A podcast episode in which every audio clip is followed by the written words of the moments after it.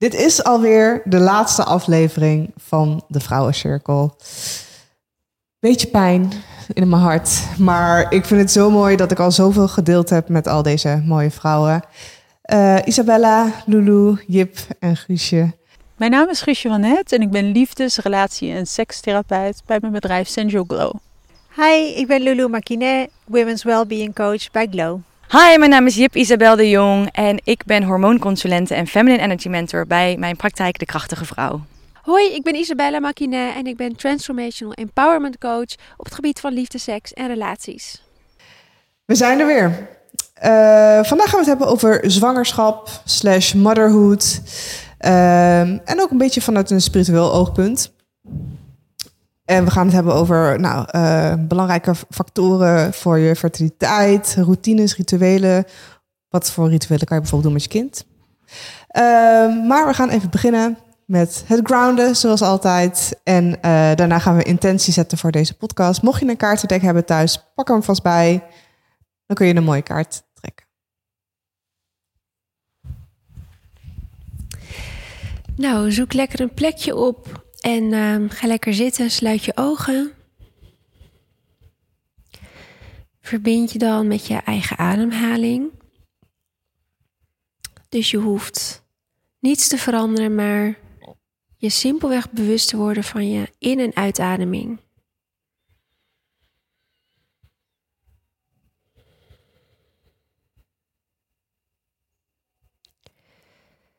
En langzaam maar zeker breng je die ademhaling wat meer richting je ribben en je buik.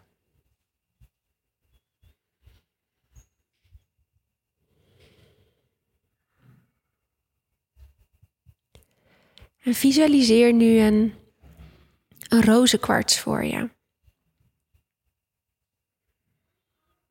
En kijk dan naar de kwaliteiten, de vorm, de kleur.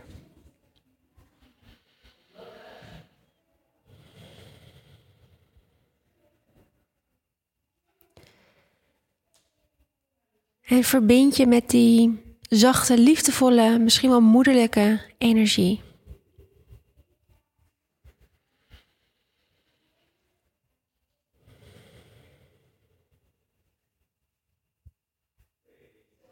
En laat dan die zacht roze kleur helemaal over je heen spoelen, van top tot teen.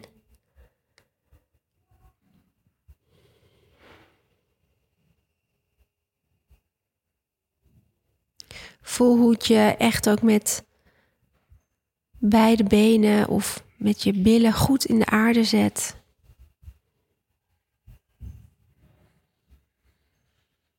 Adem nog een keer in en uit. En open dan langzaam weer je ogen. Stel je hoofd nog even een vraag met welke intentie je naar deze podcast gaat luisteren. Of een vraag die je of een antwoord dat je graag wil hebben omtrent zwangerschap, motherhood. En dan wil ik je uitnodigen om een kaart te pakken uit de cirkel.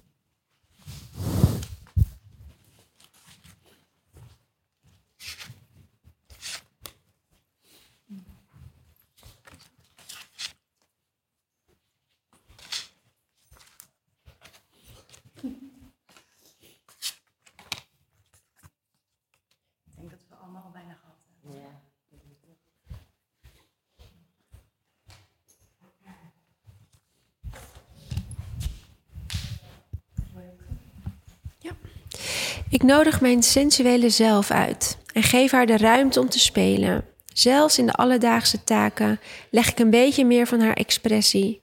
Ik dans met haar, ik adem zoals zij en ik stap in haar energie. Nou, dat vind ik een hele mooie, want um, ja, voor mij was het juist in het moederschap um, ja, uh, een kwestie van opnieuw leren verbinden met dat deel van mij. En um, ja, in mijn perceptie ruimte maken dat dat dus ook naast elkaar kan bestaan. En dat ik niet meer alleen een moeder ben, maar ook nog steeds een sensuele vrouw. Um, dus ja, mooi dat ik die kaart heb getrokken. Mooi. Je, je hebt een zoontje, toch? Ja. Al vier? Uh, hij is vier, ja, net vier geworden. Lief. Ja. Ik heb voelen is helen. Eh, heel toepasselijk ook in de, zowel preconceptiefase als zwangerschap. Ehm, ik denk dat het ook heel belangrijk is om dingen te doorvoelen en te helen. Want alles wat wij als ouders ja, oplossen en mogen zien, eh, hoeven we niet door te geven. Zoals we in een vorige podcast ook hebben genoemd, dat ja, trauma's kunnen doorgegeven worden generatie op generatie. En eh, ja, het is helemaal goed om te voelen en te helen, juist in deze fase. Ja, mooi. Op mijn kaartje staat: Vandaag verwelkom ik mijn negatieve gedachten met compassie. Ehm, ik weet nog niet of ik ooit kinderen wil. Ik eh, ben daar gewoon nog niet uit. En ik weet, als de tijd rijp is, zal ik daar vast een antwoord op hebben. Maar eh, voor nu heb ik dat antwoord nog niet. en er staat nog heel mooi onder: wat wil je mij nu echt vertellen? Wat is je boodschap? Ik hoor je, ik zie je, ik herken je. Dankjewel dat je eh, mij hebt gediend. Je functie is klaar. Vanaf hier kan ik het zelf. Dus ik denk dat ik het gewoon moet overlaten. Of maar gewoon in overgave naar die situatie eh, moet laten leiden. Mooi. Ik trok de kaart. Ik gun het mezelf om hulp te ontvangen. Die hebben we al gehad, maar volgens mij zijn we al bijna door alle kaarten heen. In elke mogelijke vorm. Ik heb het wel zelf te doen, maar ik hoef het niet alleen te doen. Uh, ik had niet echt een, een vraag uh, wat opkwam. Um, als ik uh, gezegend ben om een kind te krijgen, zou ik dat heel graag hebben. Zou ik het moederschap heel graag willen doorlopen. Um, dus ik ben ook heel benieuwd naar al jullie verhalen. Um, want dat is zeker nog niet het geval. maar uh, het is wel een, een wens um, die ik heb, mocht, het, uh, mocht ik gezegend zijn. Zo zie ik het wel echt. Mocht een mooi zieltje mij uitzoeken. ja. dus, dus ja, dus ik ben benieuwd naar deze aflevering ook. Mooi. ik, heb, ik sta open en ben ontvankelijk om vanuit overvloed te leven. Nou, ik denk dat het heel mooi is uh, wat het moederschap echt wel uh, elke keer weer uitdaagt eigenlijk uh, om te doen. Omdat je ja, ook, en er zitten echt twee kanten aan het moederschap die continu, ja, het is een soort van de balans elke keer houden. Dat is wat ik ervaar in ieder geval. Ik heb drie kinderen van 12, 15 en 16, bijna 17. Mm. Dus ja, dat, die overvloed, die afstemming op overvloed, uh, ja, is een mooie, mooie toepasselijk daarbij. Een goede voorbereiding uh, is het halve werk, zeggen mensen vaak. Hoe zit dat uh, als je zwanger wil worden? De preconceptionele fase is natuurlijk een hele belangrijke, lijkt mij. Hoe kan je je voorbereiden op het ja, zwangerschap, moeder worden? Ja, ik denk dat wat Jip mooi net zei, uh, dat een zieltje jou kiest. Zo zien we dat in de Ayurveda in ieder geval. Wij zijn in onze westerse wereld heel erg bezig met, oh, wij, zijn, wij als ouders willen dat kind. En het moet gebeuren wanneer wij dat willen. Zijn, ik stop met de pil en nu is het moment tussen deze en deze periode kan ik vrij nemen. En dan, maar het is niet iets wat we kunnen plannen of waar we controle over hebben. En uh, in de Ayurveda zeggen we het zieltje kiest de ouders. Dus een mooie start is om eigenlijk proberen te verbinden met het zieltje wat je wil uitnodigen. En echt op spiritueel niveau um, ja, daar ook op voor te bereiden. Sowieso kan je fysiek ook veel doen met voeding en leefstijl. Dat is echt bewezen. Je hebt natuurlijk met de wetenschap van de epigenetica weten we dat we niet afhankelijk zijn van degene waarmee we zijn geboren, maar dat je ook met voeding en leefstijl invloed hebt op um, ja, de, het vergroten van de kans van een kindje krijgen. Maar ik zou ook zeggen, kijk wat je mentaal en emotioneel kan opruimen. Want ja, wat wij zelf opruimen en oplossen, dat uh, hoeven we niet, mee, te geven. Dealen, ja. Dus ja, denk aan coaching, therapie, EMDR, uh, PRI, uh, helingswerk. Ik heb zelf samen met mijn vriend ook nog een truffelceremonie gedaan, waar ook heel veel mooie ja. dingen vrijkwamen. Dus ja, wees ook creatief daarin. Ja, mooi. En ik denk, we hebben natuurlijk ook die aflevering over de cyclus en hormonen opgenomen. Ik denk dat het daar eigenlijk gewoon al begint.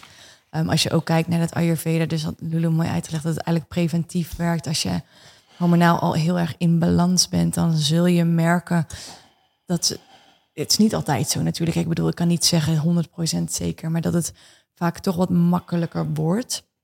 Om, omdat je in ieder geval hormonaal in balans bent om zwanger te raken. En dan zijn er nog andere factoren die mee kunnen spelen. Maar dan heb je dat stuk in ieder geval. Je bent in ieder geval fysiek eh, in balans. Dus daar is die aflevering misschien ook wel heel mooi Ja, voor. absoluut. En dan heb je altijd nog andere dingen die je kunt doen.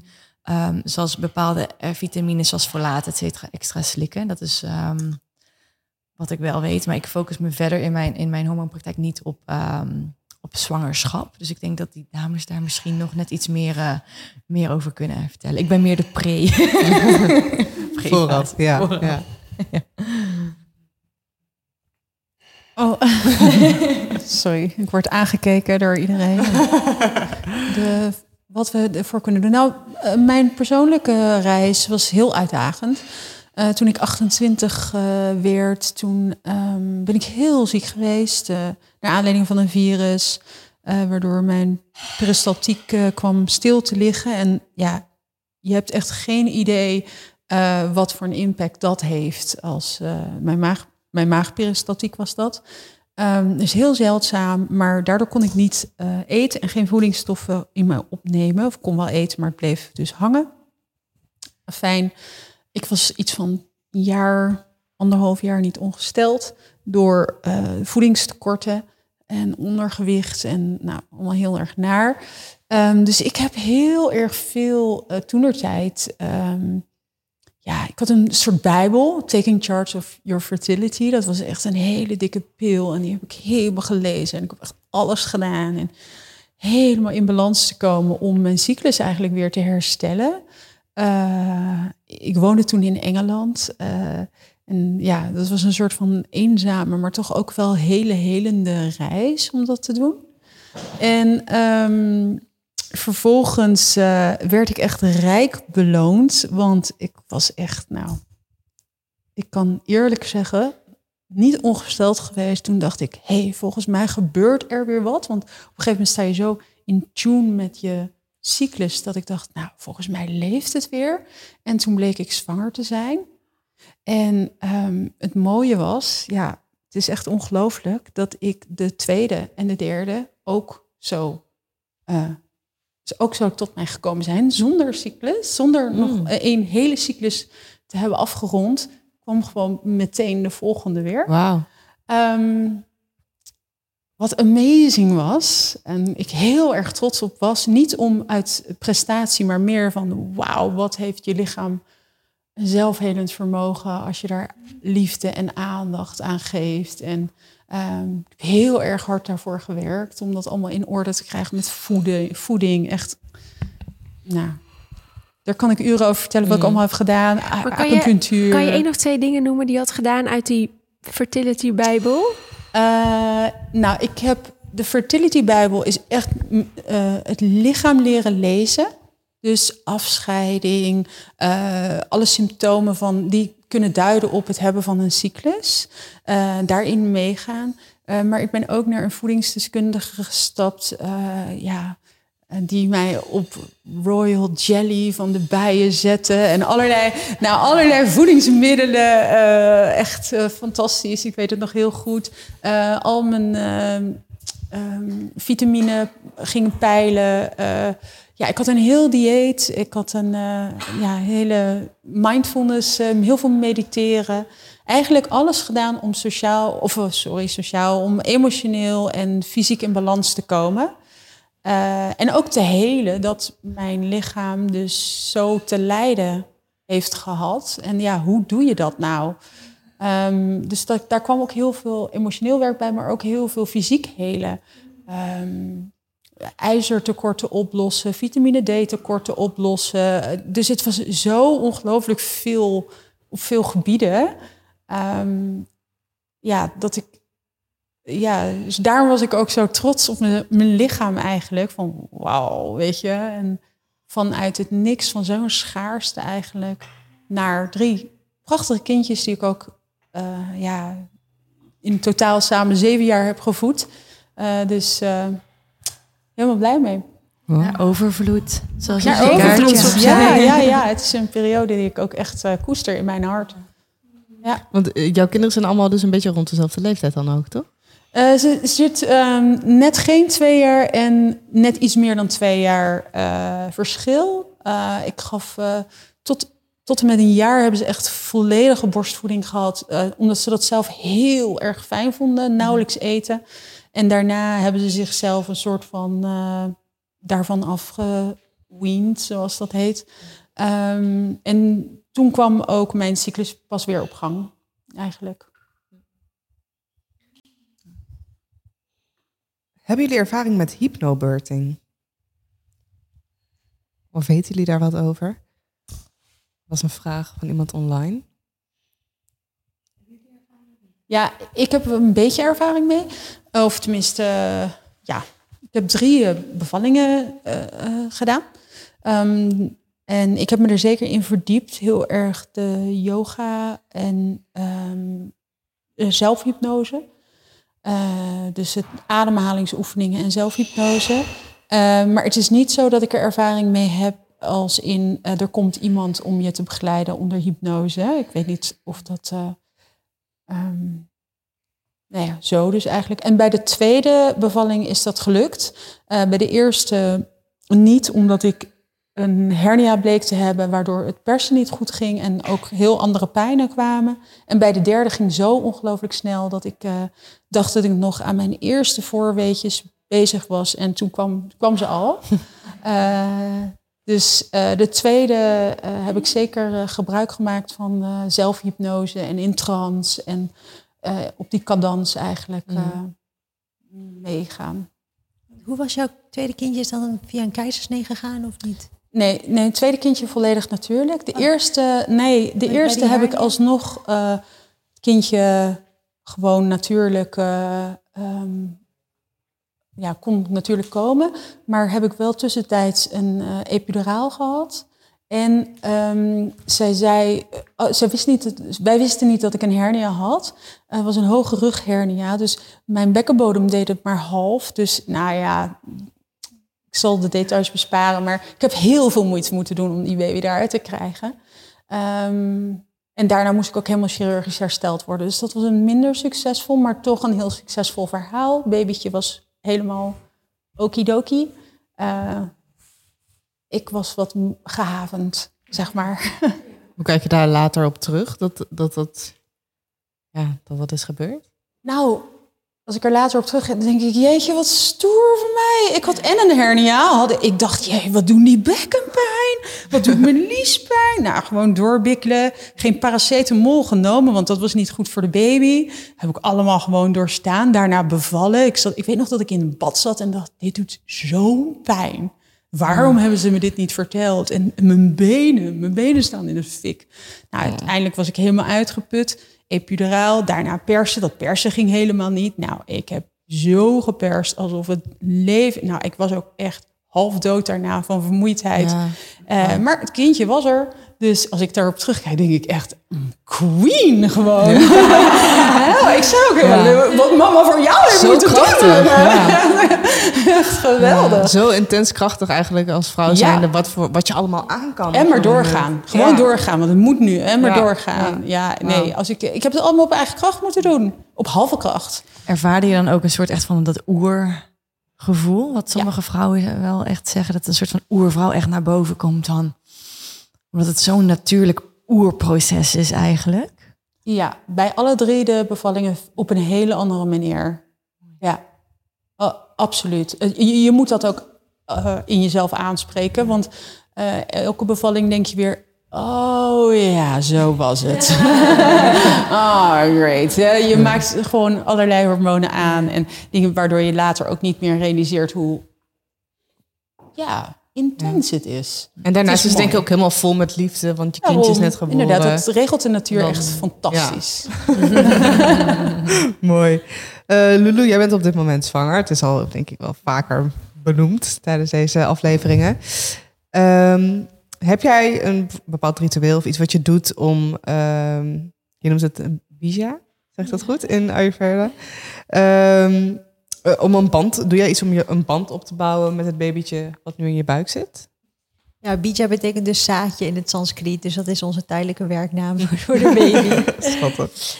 Uh, we zeggen in de Ayurveda dat zo rond de derde, vierde maand... ehm, wordt de moeder she who carries two hearts genoemd.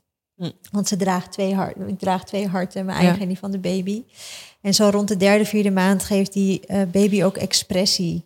Dus dan de, de, behoeftes, de verlangens komen via dat hart ook tot mijn bewustzijn. En ehm, ik denk dat de eerste manier van verbinden ook is om daar aan toe te geven. Om daar echt naar te luisteren. En het kunnen food cravings zijn. Maar het kan ook zijn dat, dat je ineens een ingeving krijgt dat je naar een bepaalde tempel moet of zo. En ja, die eerste ervaringen van de baby, want de baby heeft al bewustzijn wanneer het in de buik is. Ehm, en de moeder is het medium door wie de baby alle eerste ervaringen van het leven proeft. Ehm, dus ja, ik probeer echt in contact te staan met mijn behoeftes en daar dan ook op te vertrouwen. En als ik bijvoorbeeld trek heb in een ijsje, tuurlijk eraan toegeven, je hoeft niet de hele bak op te eten. Dat zegt de baby niet. dus het is daar ook een beetje een, een, een, een, fijne lijn in vinden. En eh, ja, ik vind het heel fijn om te zingen voor de baby, want sowieso word ik daar zelf heel kalm van. Eh, maar op een gegeven moment kan de baby ook luisteren en het, ja, het kan kalmerend Werkt ook werken. verbindend natuurlijk. Ja, heel verbindend. En er is ook een cultuur waarin ehm, ja, de moeder dan een bepaald liedje voor de baby kiest. En deze gedurende de zwangerschap, maar ook gedurende het leven, ook gedurende moeilijke tijden voor de baby zingt. Dat dan echt een beetje een anker Mm. is. Dat het kind eh, ja, zich veilig eh, en thuis voelt. En ja, de primordial sounds, mantra's, Sanskriet mantra's hebben ook een bepaalde sound die echt ja, resoneert met je cellen en heel helend werkt. Dus dat vind ik een mooie gedachte. Mooi. Eh, Isabella en Guusje, jullie hebben al kinderen. Ehm, zijn er bepaalde routines of rituelen die jullie in het dagelijks leven samen met jullie kinderen doen? Even denken hoor. Ik, ja, voor mij is dat heel lang borstvoeding geweest. Dat was echt ons moment altijd. En dat, ja, dat ging heel erg vanzelf. Dat was, dat was echt soort van, van een vanzelfsprekend iets. En dat was ook zijn echt soort van oplaadmoment. Dus ja, dat was echt ons moment, ons ritueel altijd. En ehm, ja, daarnaast zit even te denken. Ja, ja, we doen wel eens wat yoga-oefeningen samen. ehm, zingen. Ja, ik weet niet. Ik, ik, eh, ik voornamelijk eh surviven, want mijn kind is heel druk.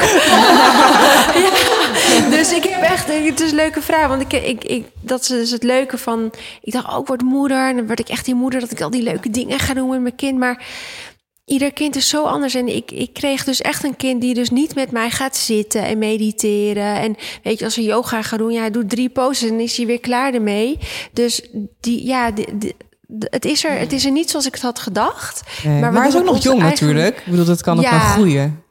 Zeker. En ik hoop dat hij dan eh, ja, hier en daar wat meekrijgt van wat ik doe. Ja. Zo, zo- laatst ging hij ineens zo zitten met zijn ogen dicht, zo een meditatie houden. En zei hij, ik ga even mediteren. Toen dacht hij, ja, dat heeft hij dan toch Hij ergens ziet dat. opgepikt. Hij ziet dat je dat doet. Die bij Ja. mij gezien. Nou, dat was dan wel drie seconden. Maar ja, dus ik hoop dat hij zo wel eh, wat een en ander meekrijgt. ja, mooi. Ja, kinderen doen niet wat je zegt, ze doen wat je Wat je doet. doet. Ja. Dus vooral gewoon zelf blijven doen en ze gaan wel Mm. mee.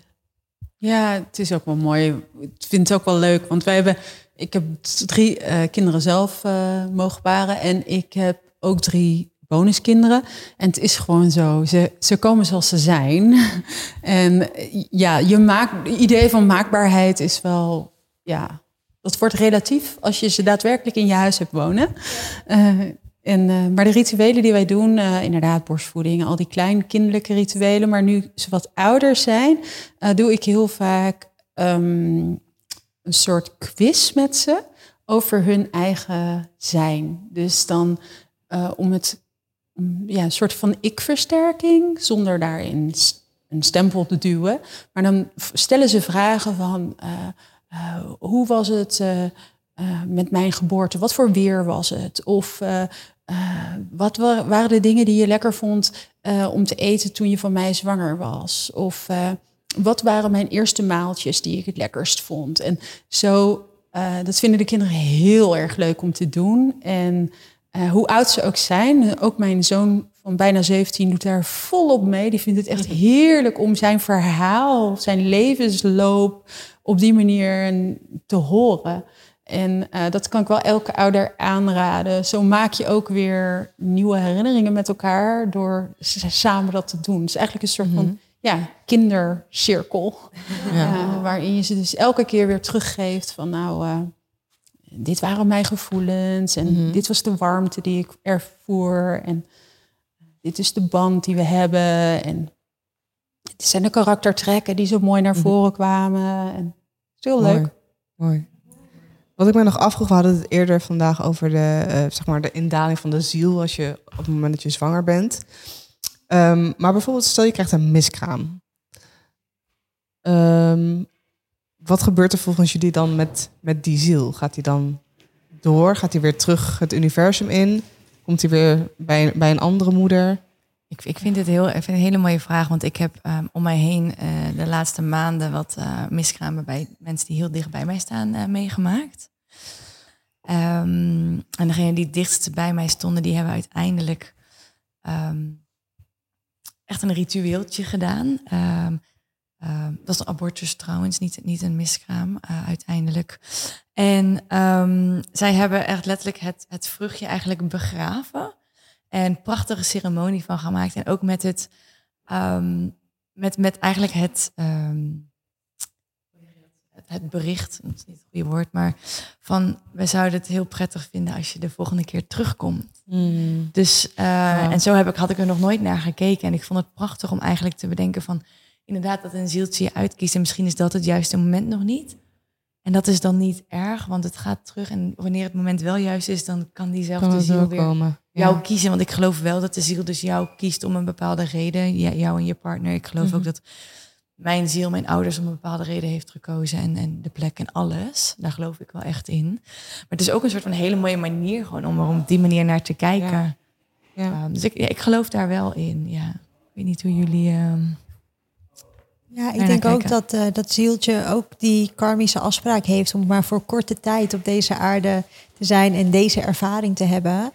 En ik geloof ook dat wij als mensen misschien deze karmische afspraak hebben gemaakt om dit door te maken. Dat werkt in ieder geval heel helend voor mij, mhm. die gedachte. Die gedachte, ja. Ja, systemisch gezien vraag ik me af of dat kan, zeg maar. Want uh, elk zieltje wat komt, is, heeft een plek in, plek in het familiesysteem. En het is uh, zeg maar vanuit mijn beleving nu, dus ik weet natuurlijk ik weet niet hoe het echt zit, maar vanuit, bele vanuit mijn beleving zou het niet zo kunnen zijn dat dat zieltje dan daarna weer terugkomt. Want ja, elke uh, miskraam of abortus of heeft een eigen plek uh, in het systeem en zijn dus echt ja, kinderen die, die daarin horen. Dus ja, ik ben benieuwd. Ik zou niet weten hoor, of wel of niet kan. Maar dan mooie zou, zou het geen reïncarnatie zijn. Dus dan zou dat, dat zieltje gaat dan gewoon naar een andere familie in een ander. Omdat in dit familiesysteem het deze functie heeft. Ja. Is dat wat je zegt? Ja. Ja. ja. Oké, nee, dan begrijp ik het goed. Ja, ja. mooi. Ik wil jullie vragen om na te denken um, over iets wat voor jullie echt moederschap betekent. Misschien een woord of een, of een zin.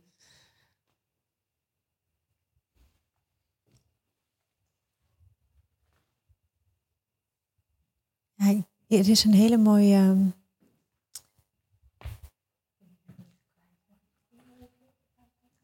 Tuurlijk. Misschien weet iemand anders, heeft iemand anders. Ja, moederschap. Ik, ik heb er niet één woord voor, want het is zo ontzettend dynamisch.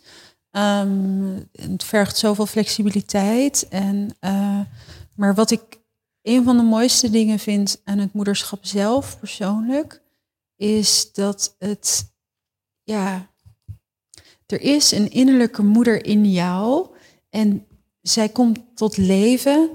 Uh, ik denk ook in alle vaders hoor, ik bedoel, of in alle personen. Maar die innerlijke moeder, die, die heeft los van het opvoeden van je kinderen en het, het goede kiezen en het juiste doen en veiligheid bieden en al die dingen, is dat ook zo'n spiritueel emotioneel proces. En uh, je leert zo ongelooflijk kanten van jezelf kennen die je, ja, die je nooit zou tegenkomen. En dat vind ik ehm, heel mooi en helend. Dus ja, het is iets in jezelf, een kant van jezelf, waarin je zoveel persoonlijke groei vindt eh, en heling kan uitnodigen.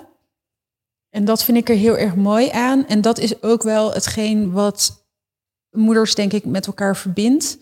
Ehm, en ook wel iets waar je ook heel erg kapot op kan gaan, zeg Mm. maar. Als je daar. eh, Afhankelijk van hoe je daar dan mee omgaat. ja, echt waar. Ik denk dat het Mooi. moederschap dan ook Ja. heel zwaar kan zijn als je. Ja, maar nee, mooi dat je dat nog even erbij zegt. Ja, Je hebt elkaar echt nodig ook. Als je Mm. daar hulp in nodig hebt, moet je het ook gewoon zoeken. Ja, Ja. zo ben ik. het is wel Eh, ook een beetje in, in alle gesprekken komt dat wel naar boven.